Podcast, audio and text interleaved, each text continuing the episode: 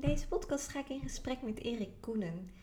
Erik is ademcoach sinds een aantal weken of maanden inmiddels. En we kennen elkaar eigenlijk al een hele tijd. Ik eh, ben hem een jaar of vijf geleden tegengekomen omdat zijn vrouw een yogastudio runt in Rijswijk. Waar ik nog wel eens wat lessen inval of waar ik uh, de studioruimte nog wel eens van huur om kinderyoga te geven. En zo zijn we elkaar in de loop der jaren heel vaak tegengekomen. Maken we zo nu en dan een praatje. Met werkelijk contact kwam het eigenlijk nooit. Dat het begin van de coronaperiode Erik mij een berichtje stuurde. Dat hij me tegenkwam op social media. En dat hij zo een ander beeld van me kreeg dan hij in het echt had. Hij dacht dat ik heel verlegen was, een beetje teruggetrokken. En hij was eigenlijk wel benieuwd naar uh, de andere kant die hij terughoorde in podcast. Uh, Sabrina die best wel nieuwsgierig is. Die veel vraagt, die veel onderneemt. En die ook veel kwetsbare stukken van zichzelf deelt. Nou, zo kwamen dus in contact met elkaar. Zijn we wat gaan wandelen. Heb ik een sessie ademcoaching van Erik gekregen. En daar was ik eigenlijk zo van onder de indruk. Dat riep bij mij nog zoveel vragen op. Wat gebeurt hier nou eigenlijk met me? Hoe kan dat nou eigenlijk? En het was voor mij wel het start zijn van een, nou, toch wel een soort transformatie. Ik zat niet zo heel lekker in mijn vel. Ik zat best wel te strukkelen met grote levensvraagstukken. Wilde heel graag wat loslaten, wat me niet zo goed lukte. En die ademsessie die heeft zo'n enorm gevoel van bevrijding met zich meegenomen. En daar wilde ik dus meer over weten. Dus in deze podcast ga ik met Erik in gesprek over de krachtige werking van onze ademhaling. Welkom, leuk dat je luistert naar het podcastkanaal van Everything is Oom. Mijn naam is Sabrina Souban en in deze podcast ga ik in gesprek met inspirerende Nederlanders. Mensen die iets doen of die iets hebben meegemaakt waar wij met z'n allen nog een heleboel van kunnen leren. Mensen die de wereld een beetje mooier maken door wie ze zijn of door wat ze doen. Wanneer je de podcast zo meteen beluisterd hebt en je hebt dat gedaan in iTunes, dan zou je me ontzettend helpen om 5 sterren te geven, zodat nog wat meer mensen deze podcast kunnen beluisteren. Elke twee weken komt er een nieuwe aflevering online. Dus wil je geen enkele aflevering missen, abonneer je dan vooral op dit kanaal Everything is Oom. Voor nu wens ik je heel veel luisterplezier toe.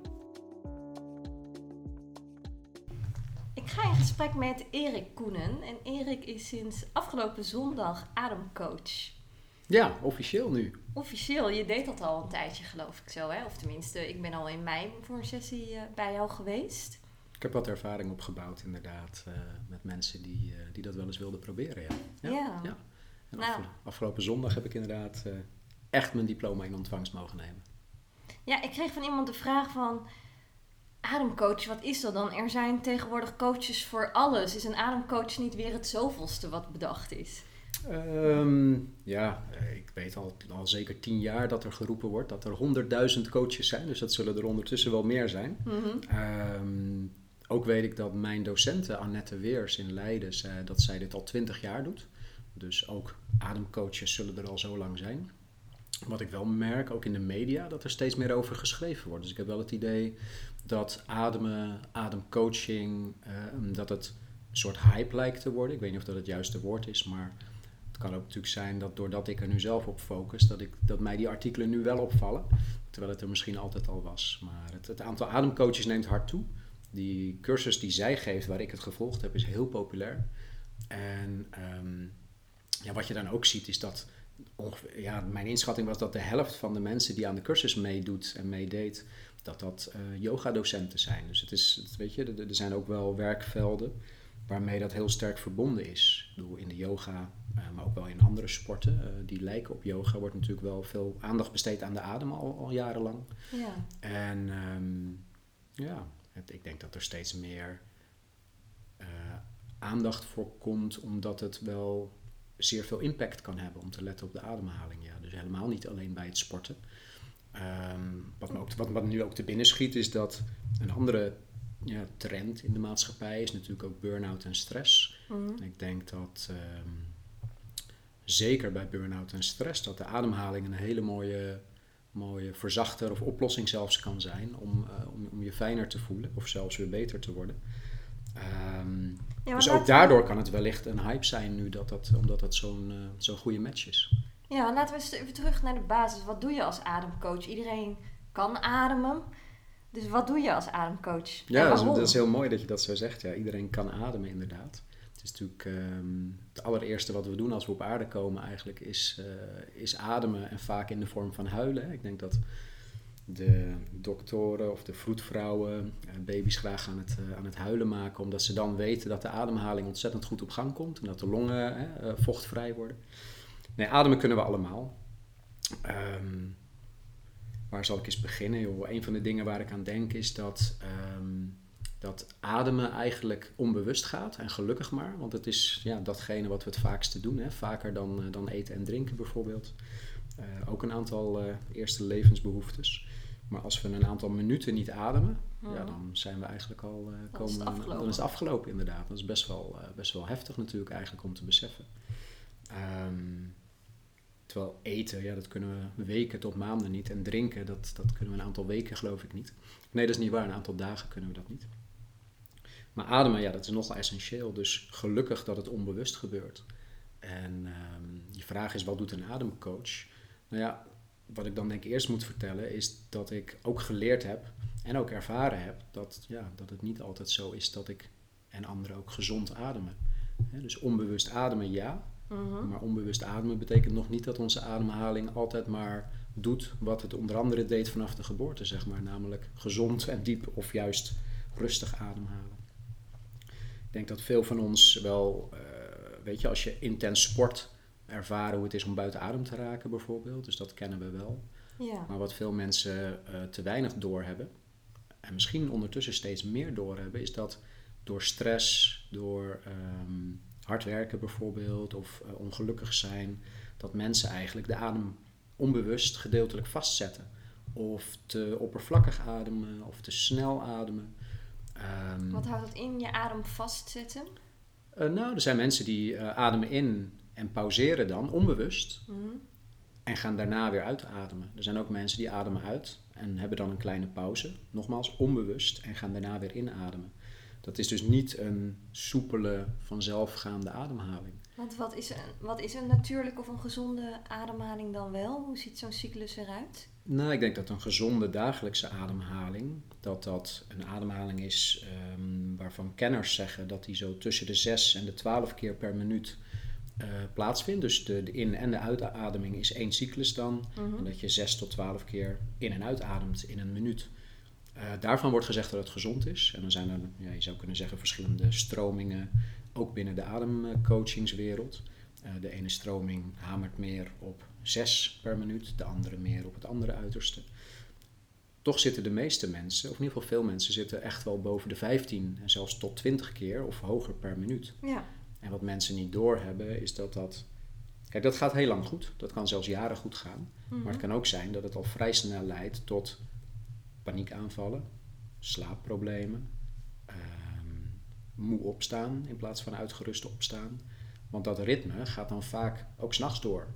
Het is onbewust, dus ook als je slaapt, kan het zijn dat je adem niet tot rust komt als je dagenlang, maandenlang of jarenlang stress hebt ervaren, bijvoorbeeld. Ja. Kijk, de achtergrond daarvan is, um, is de, de, ja, de welbekende uh, vlucht- en vechtreactie, hè, wat je wat je met biologie wel kunt leren of, uh, of bij bepaalde cursussen leert over stressbeheersing bijvoorbeeld. Ja, kun je daar kort iets over vertellen voor degene die luistert en geen idee heeft wat, uh, wat er dan gebeurt? Ja, dat is goed. Um, kijk, in de natuur, uh, dat voorbeeld wordt vaak gegeven dan als het gaat over die vlucht- of vechtreactie. Als je oog in oog komt te staan met een leeuw, dan gebeurt er iets met je. En de ene mens wordt verstijfd. Um, en de andere mens gaat keihard rennen. Maar in principe vindt er een stressreactie plaats in het lichaam om te kunnen vluchten of om te kunnen vechten. Nou, of, of, vechten, zo slim is tegen een leeuw, dat, dat maakt eigenlijk niet zoveel uit.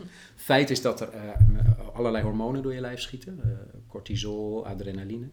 Dat de ademhaling tijdens zo'n stressrespons direct oppervlakkiger wordt omdat je namelijk als je moet sprinten, is het handig om snel in en uit te kunnen ademen. Dat gebeurt dan in principe met een borstademhaling die vrij hoog zit, of zelfs een keelademhaling. Dat gebeurt tijdens een stressreactie.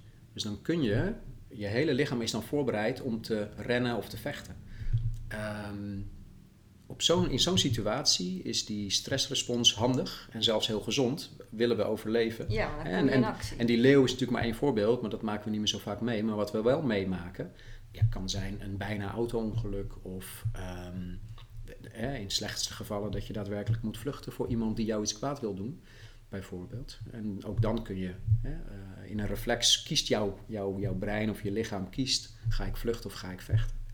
Ehm, en die stressrespons, een deel daarvan is dus dat de ademhaling heel snel en oppervlakkig wordt. Mensen die stress ervaren in het dagelijks leven, vaak door werk of door eh, mentale problemen of gewoon gepieker. Het funeste daarbij is dat ze vaak vrijwel dezelfde stressrespons krijgen.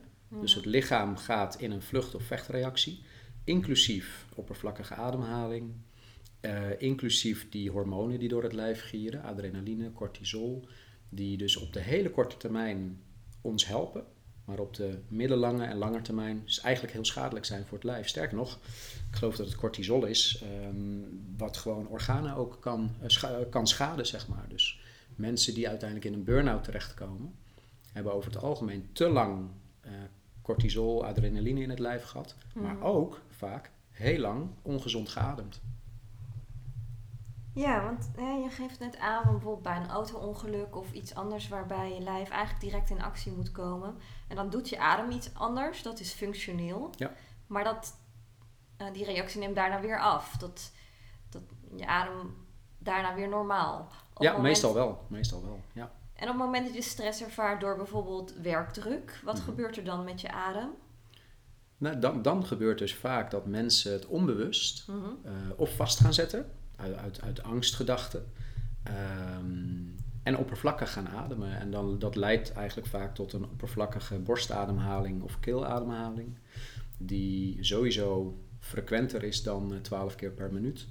En dat leidt vaak tot, ehm, je zou kunnen zeggen, milde hyperventilatieklachten. Alleen dan op extreem lange duur. Weken tot maanden soms. Of jaren zelfs. Ja, en hè, stel je voor dat je baas achter je staat te hijgen omdat je een deadline moet halen. Dan heb je zo'n stressreactie. Mm. Op het moment dat je je stuk hebt ingeleverd, die deadline is voorbij. Trekt je adem dan vanzelf weer bij? Of blijft die dan zo oppervlakkig in je borst of in je keel zitten? Dat kan beide. En dat hangt van de persoon af. Het hangt denk ik ook van het karakter af. Ik heb burn-out en stress. Er zijn natuurlijk ook een heleboel eh, softe factoren mee verbonden. Van hoe zit je in elkaar? Ben je, ik, ik ben van nature een piekeraar bijvoorbeeld. Ehm, dus ik, ik weet zelf dat ik eh, mijn adem zomaar eens een, eh, kan vastzetten, zeg maar, wat niet per se gezond is. En dat ik er op een gegeven moment bewust van word dat ik weer dieper wil ademhalen. Omdat ik een tijd lang aan het piekeren was over dingen die me niet dienen, zeg maar, die me niet helpen. Ehm, en die je op dat moment ook niet kan oplossen, zeg maar. Kijk, eh, de mooie slogan eh, van leven in het nu is al lastig zat voor mensen. Want Mhm. de meeste piekeraars die denken of terug aan wat ze hebben gedaan en of dat wel goed genoeg was. Of hè, dus denken aan het verleden of denken aan de verre of nabije toekomst. Van oh jee, als dit, als dat. Ja, Ja, het mooie van leven in het nu is natuurlijk dat je daar niet druk om hoeft te maken. Omdat wat er nu gebeurt, dat, daar moet je nu mee dealen. En dat leidt automatisch tot een gezondere ademhaling. Maar dat is abstract natuurlijk, wat ik nu vertel. om dat te doen is heel lastig. Ja, in de yoga zeggen we heel vaak van gebruik je anker om in het nu te blijven. Hè. Je kunt alleen maar bezig zijn met je ademhaling die er nu is. Mhm. En niet met een ademhaling die je drie weken geleden hebt gehad. Of eentje die je misschien over vijf jaar een keer gaat hebben. Ja. Is dat ook waar je gebruik van maakt in ademcoaching? Of zit dat toch op een ander deel? Eh, ik denk op een ander deel. Dit hoor ik voor het eerst, zeg maar. Ik vind het wel een mooie, mooie metafoor. Ehm, nee, ik denk dat het anders eh, is bij ademcoaching. Ehm, ik denk dat het misschien goed is om te vertellen wat mensen ervaren als ze bij mij komen. Ehm, de, de kortste uitleg is dat ze eigenlijk altijd zeggen: Oh, dit had ik niet verwacht. Want als ze naar een ademcoach gaan, verwachten ze eigenlijk dat ze één of meerdere ademoefeningen krijgen die ze Mhm. mee naar huis kunnen nemen. En dat lijkt dan vaak op ademoefeningen die ook in de yogawereld gedaan worden. Er zijn er heel veel van. Ja. Eh, in de yogawereld noemen ze dat volgens mij de pranayama's. En eh, daar zijn heel veel versies van. Ehm, daar ken ik er ook meerdere van. En die kan ik ook zeker doornemen met, eh, met mensen die bij me komen. Maar als ademcoach, en ik zei al, er zijn meerdere stromingen. Maar wat ik heb geleerd in Leiden is een sessie die bestaat uit drie fasen. Mhm. Waarbij eigenlijk de kern van het verhaal is de zogenaamde verbonden ademhaling. En de verbonden ademhaling is eigenlijk een diepe, intense buikademhaling die direct doorgaat naar een stukje borstademhaling en daarna eigenlijk bij de uitademing in één keer wordt losgelaten. Daarna, zonder pauze, in één keer weer door met de volgende inademing, diep in de buik, een klein stukje in de borst en daarna direct weer uit in volledige ontspanning. Dus de enige moeite die er gedaan wordt, is de inademing. Mhm. De uitademing volledig zonder moeite. Wat ik nu vertel is voor veel mensen al moeilijk zat om zonder moeite uit te ademen. De meeste mensen die laten de, de uitademing eigenlijk zachtjes flowen, waarbij ze dus eigenlijk moeite moeten doen om het niet in één keer te laten gaan. Want het lichaam wil het best in één keer loslaten. Ja. Ehm, dus de verbonden ademhaling, dat is eigenlijk de kern van eh, de ademcoaching eh, die ik toepas. Eh, om dat te bereiken, die Mhm. verbonden ademhaling, nou dat kost moeite, dat kost tijd, dat kost Ja. ook uitleg. Dus in fase 1 van de drie fases die er plaatsvinden in zo'n behandeling van een uur tot, tot anderhalf uur, is dat mensen eigenlijk onder mijn begeleiding, via mijn stem, te horen krijgen hoe die verbonden ademhaling uit te voeren. En als die dan uiteindelijk wordt bereikt, wordt vaak het tempo nog een beetje opgevoerd. Dus om het te intensiveren en het lichaam echt te, te verzadigen met zuurstof. Nou, dat moet je ook weer abstract zien, want biologisch kan dat niet, eh, eh, weet ik. Maar zo kun je het wel zien, verzadigen met zuurstof en vooral ook veel koolzuur kwijt te raken. Ehm, en dan in fase 2, dan vindt er een hele andere fase plaats. Dat is eigenlijk blijven ademen op die manier, met die verbonden ademhaling. En dan middels, eh, onder andere middels drukpunten Mhm.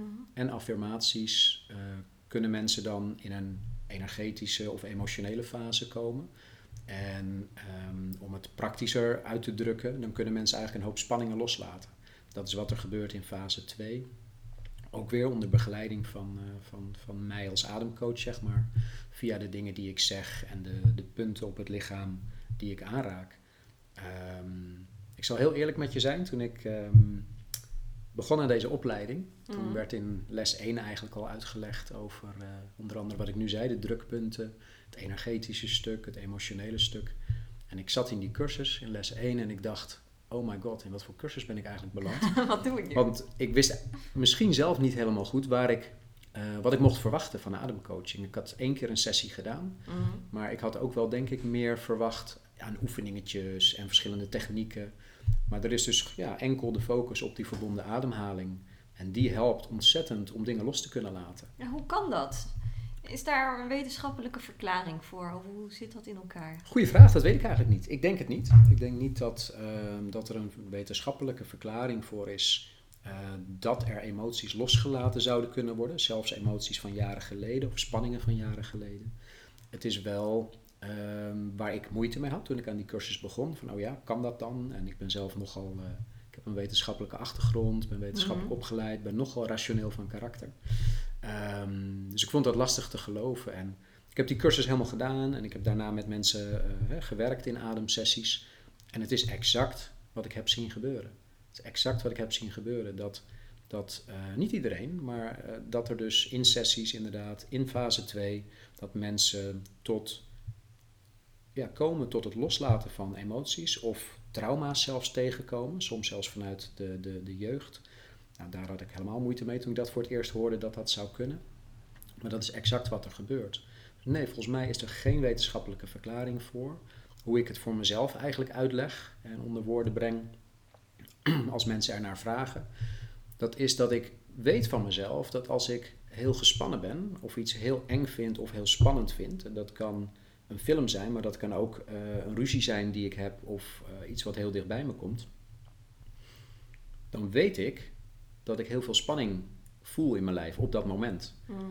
En die spanning, en er zijn mensen die spreken over een spiergeheugen of hoe je het maar zien wil, die spanning kan wel degelijk vastgezet worden in je lijf, in spieren, in bindweefsel. Ehm, ik heb zelf veel gesport. Eh, mijn vrouw heeft een, een yoga- en pilates studio. En weet je, dan, dan kom je juist heel veel mensen tegen die last hebben van spierspanningen op allerlei plekken. En die ook merken dat dat bijvoorbeeld loskomt bij bepaalde sporten of bij yoga, zeker bij de zachtere vormen van yoga. Dus dat, dat was me wel bekend. En ik, ik, ja, ik, ik, hoe noem je dat nou? Ik zie eigenlijk daar de parallel ook met ademen en ademcoaching. Dat het ademen ervoor zorgt, als je langdurig goed en gezond ademt, en zeker ook met die verbonden ademhaling, dan kom je eigenlijk tot ultieme ontspanning in die delen van het lichaam die onbewust heel lang onder spanning hebben gestaan. En dat is zelfs op plekken waarvan mensen eigenlijk niet direct vermoeden van, oh, daar zit spierspanning. Bijvoorbeeld in heupen, Ja. eh liezen, et cetera. Dat zijn typisch plekken waar mensen heel veel emoties vasthouden. En ik zeg dit nu alsof het normaal is voor mij. Zes maanden geleden had ik niet gedacht dat ik dit eh, op die manier zou omschrijven.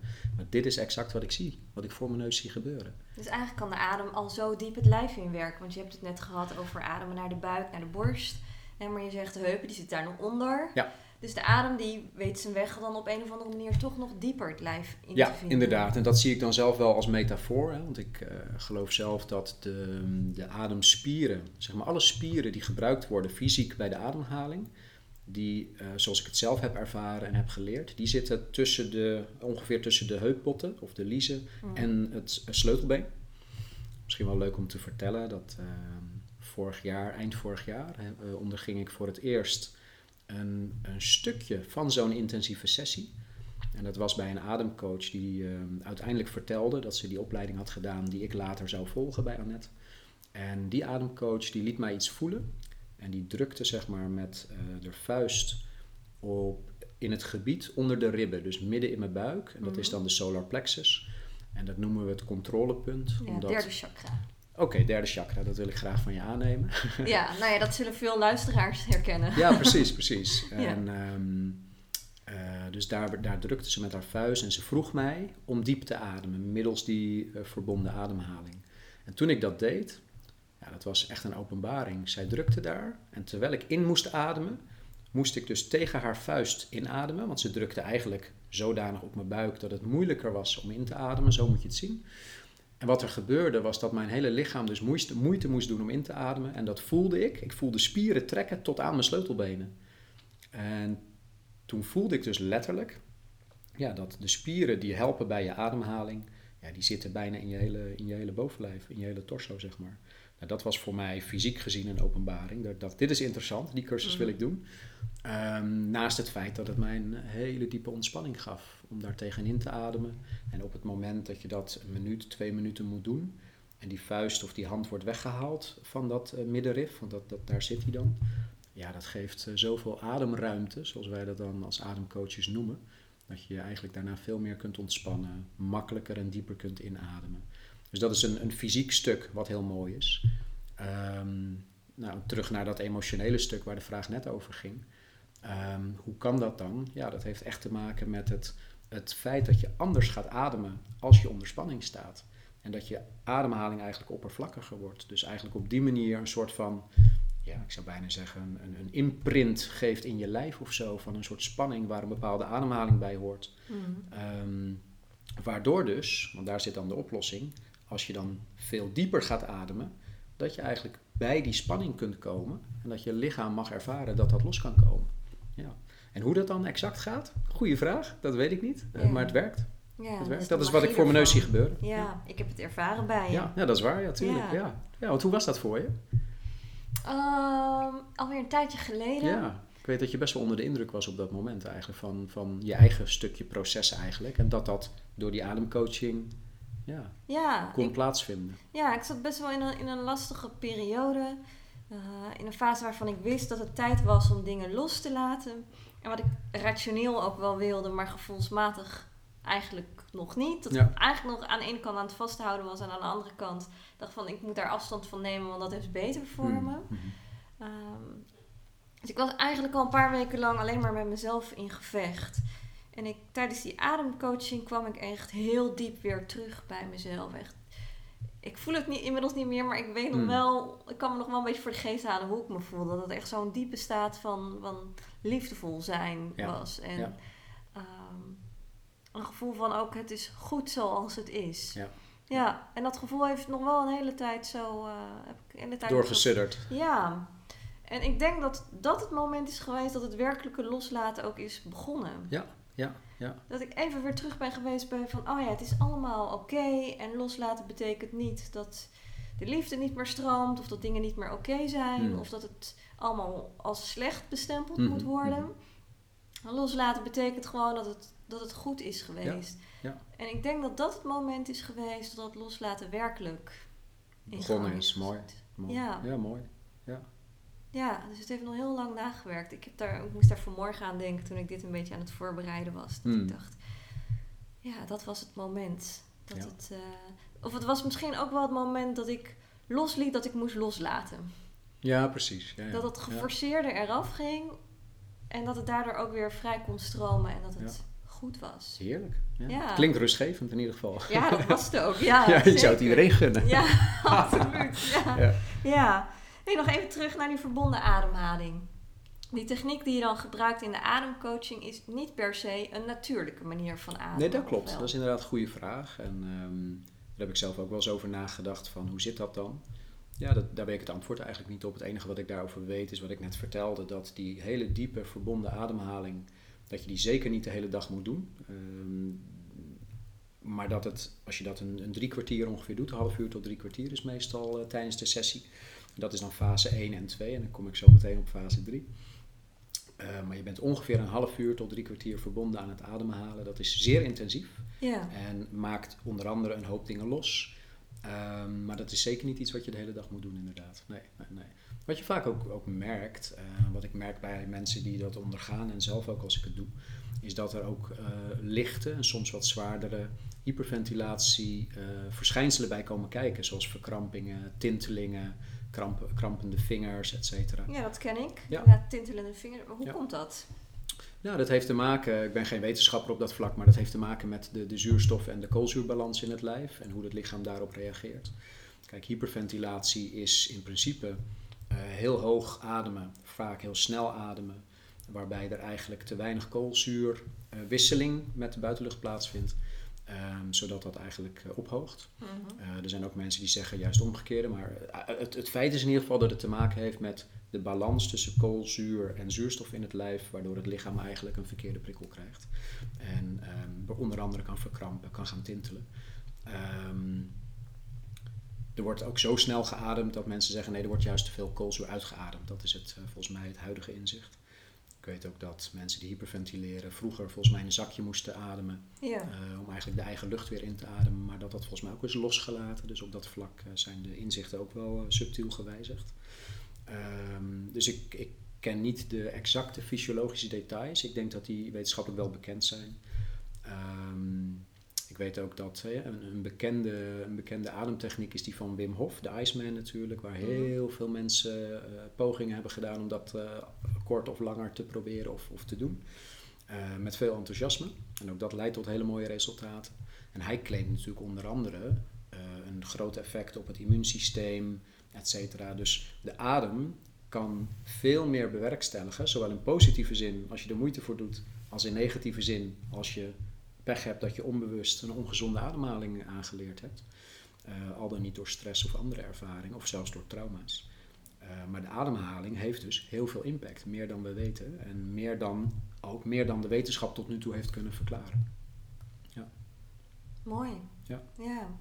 Hey, ik, heb ook wel, ik heb ook wat research gedaan en ik las ook wat artikelen die juist dan schrijven van hè, die balans tussen eh, koolzuur en zuurstof in het lijf en dat dan gaan aanpassen door middel van ademcoaching bijvoorbeeld is heel gevaarlijk. Mhm. Ik kon ook daar, ze claimen wel allemaal dat het uit wetenschappelijk onderzoek komt, maar niemand linkt door naar dat werkelijke wetenschappelijk Mm, onderzoek. Daar heb ik niet zoveel over kunnen vinden. Kun je daar iets over zeggen? Ehm, nou, eigenlijk niet. Ik denk dat. ehm, ik, ik weet daar inderdaad niks wetenschappelijks van.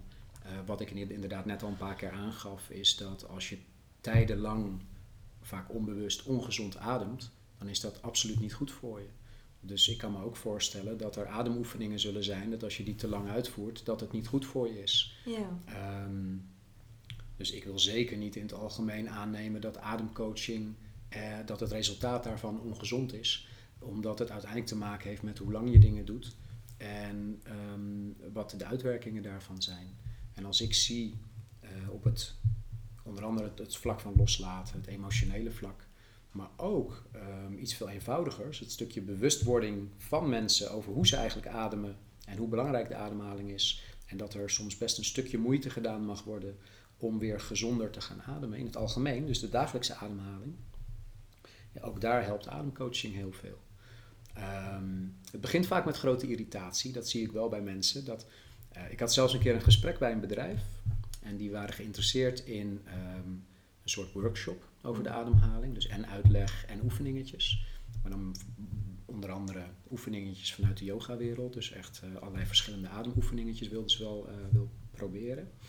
Maar het voorgesprek was heel grappig, want er zaten twee ambitieuze vrouwen tegenover me uh, uit het bedrijfsleven. En, um, die wilden van mij wat uitleggen over wat dat dan zou zijn, een ademworkshop. En op het moment dat ik begon, zei de ene al: Dit is irritant. Sinds dit gesprek begon, zit ik continu op mijn eigen ademhaling te letten. En die kwam er dus achter ja, dat, dat, dat dat irritatie kan opwekken als je continu op je eigen ademhaling let. Dus dat hoor ik wel vaak van mensen. Dat als ze zich er eenmaal bewust van worden, Mhm. dat, dat, dat ze eerst door een fase heen moeten van, van irritatie. En wat ik me. Ik fietste, ik fietste naar je toe. En toen dacht ik aan dat stuk eigenlijk, van wat is dat nou eigenlijk, de irritatie? Maar het is vaak dat mensen dan pas bewust worden dat ze eigenlijk ook niet gezond ademen. Een groot deel van de dag. Of de hele tijd als ze op het werk zijn. Of als ze zich gestrest voelen. Ja, en die bewustwording, dat is natuurlijk zeer irritant. irritant. Ja. Ja. ja. is wel de belangrijkste stap, denk ik.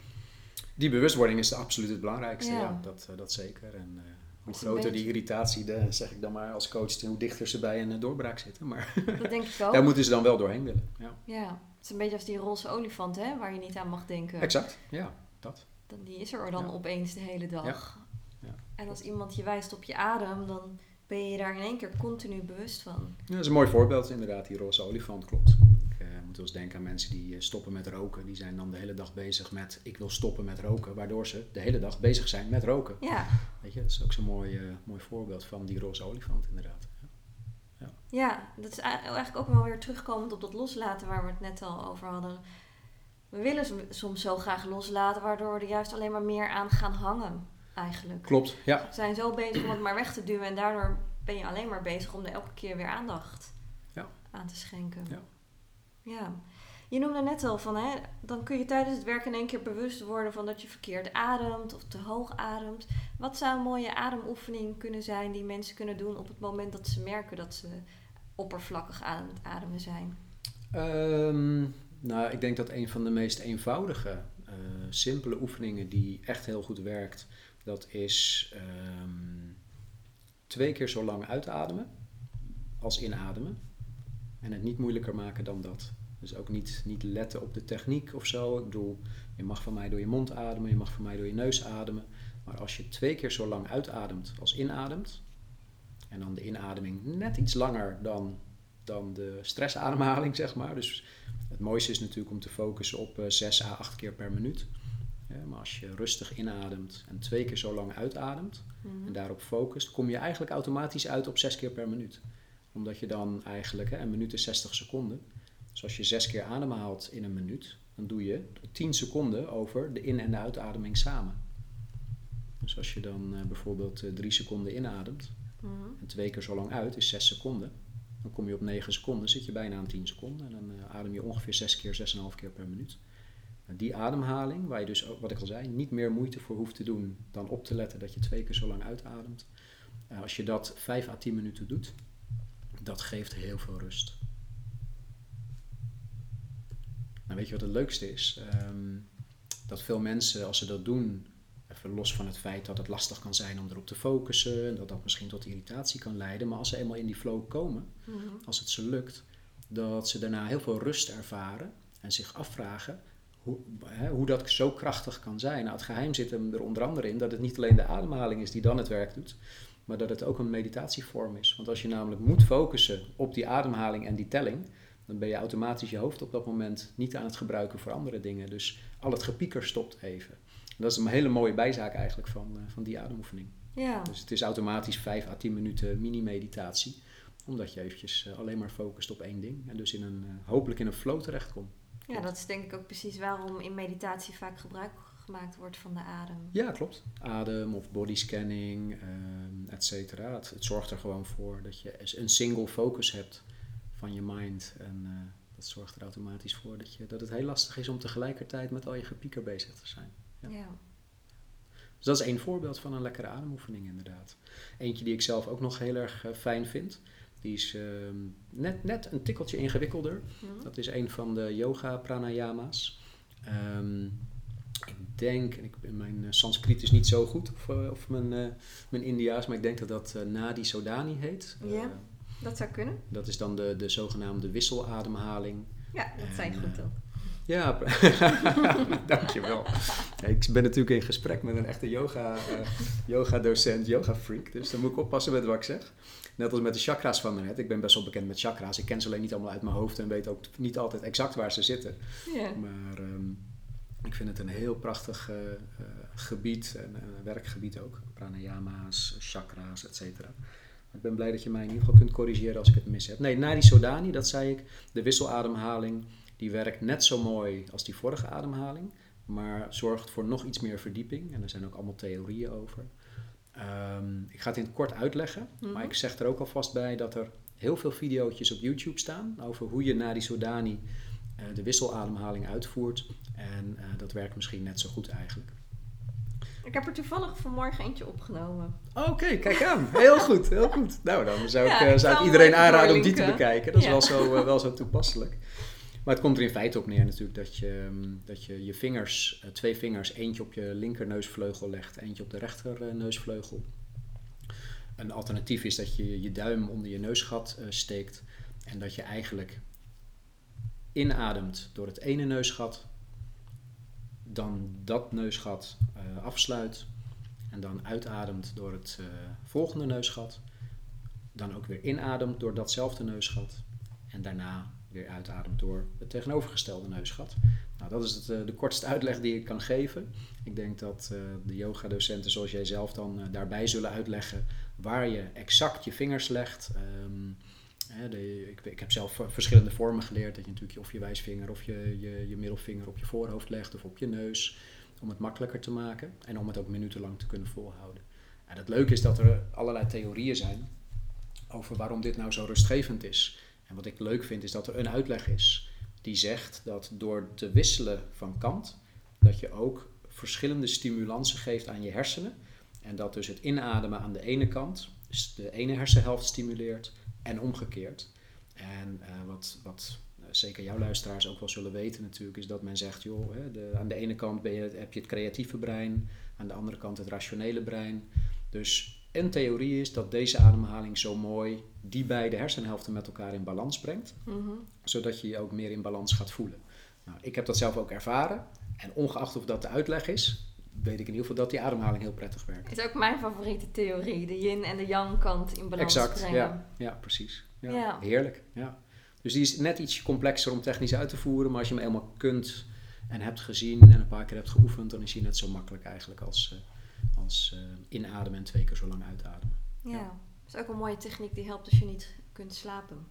Ja, precies. Het, brengt echt, uh, het maakt het hoofd leeg, brengt de geest tot rust. En, um, en daarna komt, daarnaast komt de ademhaling heel erg tot rust. Dus, uh, en, en verdiept zichzelf. Ja. Ja. En leidt tot ontspanning. Ja.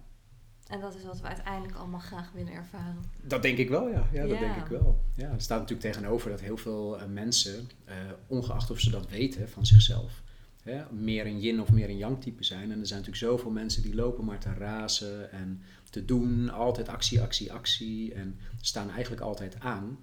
Wat het automatisch lastiger maakt om gezonder te ademen of makkelijk in slaap te komen. Um, dus ja, daar, uh, daar helpen uh, dit soort uh, ademoefeningen dan weer bij. Ja. Als iemand nu zo de podcast luistert en denkt, wow, super fascinerend dit. Hoe kunnen ze met jou in contact komen? Nou, um, onder andere via jou. Jij weet mij te bereiken natuurlijk. Ze mogen me e-mailen. Wat is je mailadres? Mijn mailadres is uh, erikkoenen.yahoo.com. Dus Erik met een C en dan Koenen ook met een C, C-O-E-N-E-N. erikkoenen.yahoo.com, dat is mijn e-mail. Ik zet hem ook nog in de beschrijving. Uh, dat is goed, ja. ja. En ze mogen me bellen of uh, via WhatsApp benaderen natuurlijk, uh, via het mobiele nummer. Mag ik je mobiele nummer er ook bij zetten? Ja hoor, dat is 06 519 68 752. Top, ja. Ja. En waar zit jij? Ik zit in Rijswijk. Ik woon in Rijswijk en uh, als ik mensen uh, een sessie geef, dan gebeurt dat ook in Rijswijk. Ja, in uh, Plaspoelpolder. Ja, Ja. nou, ik kan het iedereen aanraden. Ja, Ja. dankjewel. Ja, ik vond het fantastisch. Ja, ja, de sessie met jou was, eh, was, eh, was heel mooi. Was heel mooi inderdaad. Was heel diep. Want eh, neem van mij aan dat, dat is het leuke ervan, voor mij als ademcoach, wat er op tafel gebeurt, eh, Mhm. zeg maar wat de klant ervaart, is totaal verschillend van klant tot klant. Maar het bijzondere is, dat is ook verschillend bij één klant van sessie tot sessie. Dus een klant kan komen en een hele intense, misschien zelfs hele emotionele sessie beleven. Die eigenlijk altijd leidt tot opluchting en blijdschap en een goed gevoel. Eh, maar de sessie kan heftig zijn. Maar het kan zomaar zijn dat een volgende sessie heel oppervlakkig blijft. Of wel lekker, wel lekker is, maar niet emotioneel. En, dus er is een hele grote, grote variëteit of diversiteit aan hoe een sessie wordt beleefd. Zelfs per klant. Dus het is ook de kunst om zonder verwachting te komen. Zeker, ja, zeker. Ja, ja, want als mensen nu eh, eigenlijk hele emotionele sessies bij me verwachten of willen, Ja. kan het zomaar zijn dat het de eerste keer tegenvalt. Bijvoorbeeld, ten opzichte van de verwachting bedoel ik dan alleen maar, Ja. dat het anders wordt dan ze dachten. Bijvoorbeeld omdat in fase 1, waarin het de bedoeling is om verbonden te ademen en ik ze daar volledig in begeleid, kan het zomaar zijn dat het lichaam eigenlijk een soort weerstand ervaart. En dat het bijvoorbeeld lastig is om in die verbonden ademhaling te komen. Niet omdat het technisch moeilijk is, maar omdat het het lichaam eh, blokkades opwerpt. Wat ook onderdeel is van het proces en waar ik iemand weer doorheen kan helpen. Maar het kan zomaar zijn dat dat in, eh, in de eerste sessie lastig wordt. En dat je daar een paar sessies voor nodig hebt om dat comfortabel te kunnen, te kunnen bereiken, eigenlijk, die eh, verbonden ademhaling. Ja. Dus, eh, dus nee, kom zonder verwachtingen. En ehm één belofte kan ik wel doen, is dat het sowieso heel bijzonder gaat zijn. Sowieso voor mensen die het voor het eerst gaan beleven, dat is sowieso bijzonder. Maar mensen die het ehm, wellicht al op andere plekken hebben ervaren. Er zijn bijvoorbeeld mensen die gaan wel eens naar ehm, vrouwencirkels, mannencirkels en hebben Mhm. daar ademsessies. Ja. Eén ding kan ik ook zeggen, dat is dat een groepsessie ook weer een hele andere ervaring is dan een individuele sessie. Al is het alleen maar omdat dan hè, de ervaringen van anderen om je heen, eh, geluiden, het zijn emoties, er dan niet zijn en je echt op jezelf kunt focussen. ja, het is heel anders. Ja, hè? ja, jij, Ja. Jij, jij kent beide inderdaad. Ja, ik heb altijd groepsessies gedaan en dat vond ik altijd wel fijn, heel prima eigenlijk. En ik, ik hou gewoon van het hele gebeuren met het samen zijn en het, eh, al die rituelen die er vaak ook aan vast worden gehangen, dat, daar hou ik gewoon van. Ja, En het ademen op zich, dat vond ik altijd wel prima. Voelde me wel lekker relaxed daarna, maar er is nooit zoveel losgekomen als in die sessie met jou. Nee. Juist ook omdat ik inderdaad normaal gesproken veel te veel word afgeleid door alles wat er verder om me heen gebeurt. Dan hoor je iemand heel hard schreeuwen, Ja. heel hard huilen. En Ja, exact. ja, ga je toch makkelijk bij jezelf vandaan. En dit is dan zo, ja, Zo naar binnen gericht eigenlijk, ja. ja. Ja, klopt. Klopt. Dus eh, inderdaad. Ja. Heb jij nog vragen? Nee, volgens Nee. mij is het een heel compleet verhaal zo geworden. Is er nog iets wat jij heel graag kwijt wil? Nou, ik, er is wel iets waar ik heel erg ehm, excited over ben. En dat is dat ik onder andere een sessie heb mogen geven aan een huisarts. Mhm. dus eh, een bekende van me is huisarts en die was zeer nieuwsgierig. En die zei eigenlijk eh, toen ik aan de opleiding begon al van als je klaar bent met de opleiding, dan wil ik heel graag eh, kennis maken met zo'n sessie. Om te weten wat het is. Privé wilde hij dat graag ervaren. Maar ook zakelijk, als huisarts vond hij het heel interessant om te weten of dat iets zou kunnen betekenen voor zijn patiënten. Mhm. Ehm, hij is bij me geweest een aantal weken geleden en hij vond het heerlijk, echt fantastisch. En eh, toen zei hij eh, dat hij eigenlijk wel mogelijkheden ziet. En het is allemaal nog heel pril, maar eh, hij ziet in ieder geval mogelijkheden om wellicht een deel van zijn patiënten ook sessies te geven. Bijvoorbeeld mensen die last hebben van klachten waar huisartsen helemaal niet zo heel veel oplossingen voor hebben. Dus Mhm. mensen met eh, slaapproblemen, eh, hyperventilatie, astma, burn-out en stress is ook een lastige. Ehm, vanwege de, hè, de veelheid aan klachten. Eh, maar ook bijvoorbeeld ex-corona-patiënten die eigenlijk ook. Hmm. ehm, Die hebben vaak nog ademklachten. die hebben vaak nog ademklachten inderdaad. Of kunnen het zelfs eng vinden om diep in te ademen. Maar kunnen ook gewoon fysieke klachten hebben. Dat de longen pijn doen of de borstkas doet pijn. Ehm, dus ja, hij had er al helemaal over nagedacht. Dat was het leuke. Voordat hij naar mijn sessie kwam, had hij al bedacht van nou, als het wat is, dan zou dat zomaar wat, eh, wat kunnen zijn. Dat Erik eh, patiënten zou kunnen behandelen. Dus ik benadruk, het is nog niet zo ver. Maar ik, ja, ik ben helemaal excited over het idee alleen al. Dus hij zei toen, weet je wat, ik, eh, ik heb twee praktijkondersteuners in zijn huisartsenpraktijk. En die moeten er eigenlijk ook mee kennis maken. En Ja. één van de twee is bij me geweest. Nou ja, ik uh, ben nog steeds excited, want zij was ook heel enthousiast. Dus uh, wie weet waar dit weer toe leidt. Nou, dat zou mooi zijn. Ja. Ja, mooi ook dat huisartsen daar voor openstaan. Ja, inderdaad. En ik denk dat dat maar voor een deel van de huisartsen geldt. Um, ik heb het er met hem ook over gehad. Hè, dat dat natuurlijk... Uh, mijn, laat ik het zo zeggen, mijn, mijn beeld van de westerse geneeskunde is... dat in ieder geval jarenlang, generaties lang, de nadruk lag op... het moet wetenschappelijk bewezen zijn. Ja. En hoe de ademhaling en ademsessies exact uitwerken op het lijf... daar is niet alles wetenschappelijk van bewezen... En het mooie is dat de huidige generatie huisartsen, en hoe jonger ze worden, des te sterker dat is, dat ze steeds meer openstaan voor ja, wat ik dan noem een holistische benadering. Dus dat ze ook steeds meer openstaan voor aanvullingen met alternatieve, uh, alternatieve geneeswijzen, maar ook alternatieve therapieën. Um, nou goed, ja, zelf ben ik jaren geleden wel eens bij een Chinese uh, arts geweest, die de, de traditionele Chinese geneeskunst uh, volgt. Ja, dat is een heel andere gewaarwording dan een bezoek aan een uh, westerse huisarts. Maar prachtig en kan tot hele mooie resultaten leiden. Zeker bij klachten waar een huisarts eigenlijk minder concreet iets mee kan, zeg maar. Dus, dus, dus nee, hij, ook deze huisarts vertelde mij, die dus onlangs bij me was, van joh, weet je, de huidige generatie huisartsen staat al veel meer open voor een holistische aanpak. En dus ook aanvullingen met andere therapieën dan de generatie daarvoor. Lijkt me heel waardevol. Zeker, en, vind en, ik ook. Ja. ja. Dankjewel voor je openheid, Erik. Ja, graag gedaan. Wat een, wat een leuk gesprek met jou. Ja. Dank, je, dank jij wel. Bedankt voor het luisteren naar het kanaal van Everything is Oom. Ik hoop dat je veel hebt opgestoken van deze podcast. Ik ben heel erg benieuwd naar je reactie hierop. Je kunt me altijd een mailtje sturen. info at everything-is-oom.nl Vond je de podcast van meerwaarde en kun je hem aan anderen aanraden? En heb je in iTunes geluisterd, dan zou je me ontzettend helpen wanneer je een beoordeling van 5 sterren achterlaat. Wil je geen enkele aflevering hoeven te missen, abonneer je dan vooral op dit kanaal. Voor nu wens ik je een heerlijke dag toe en graag weer tot de volgende keer.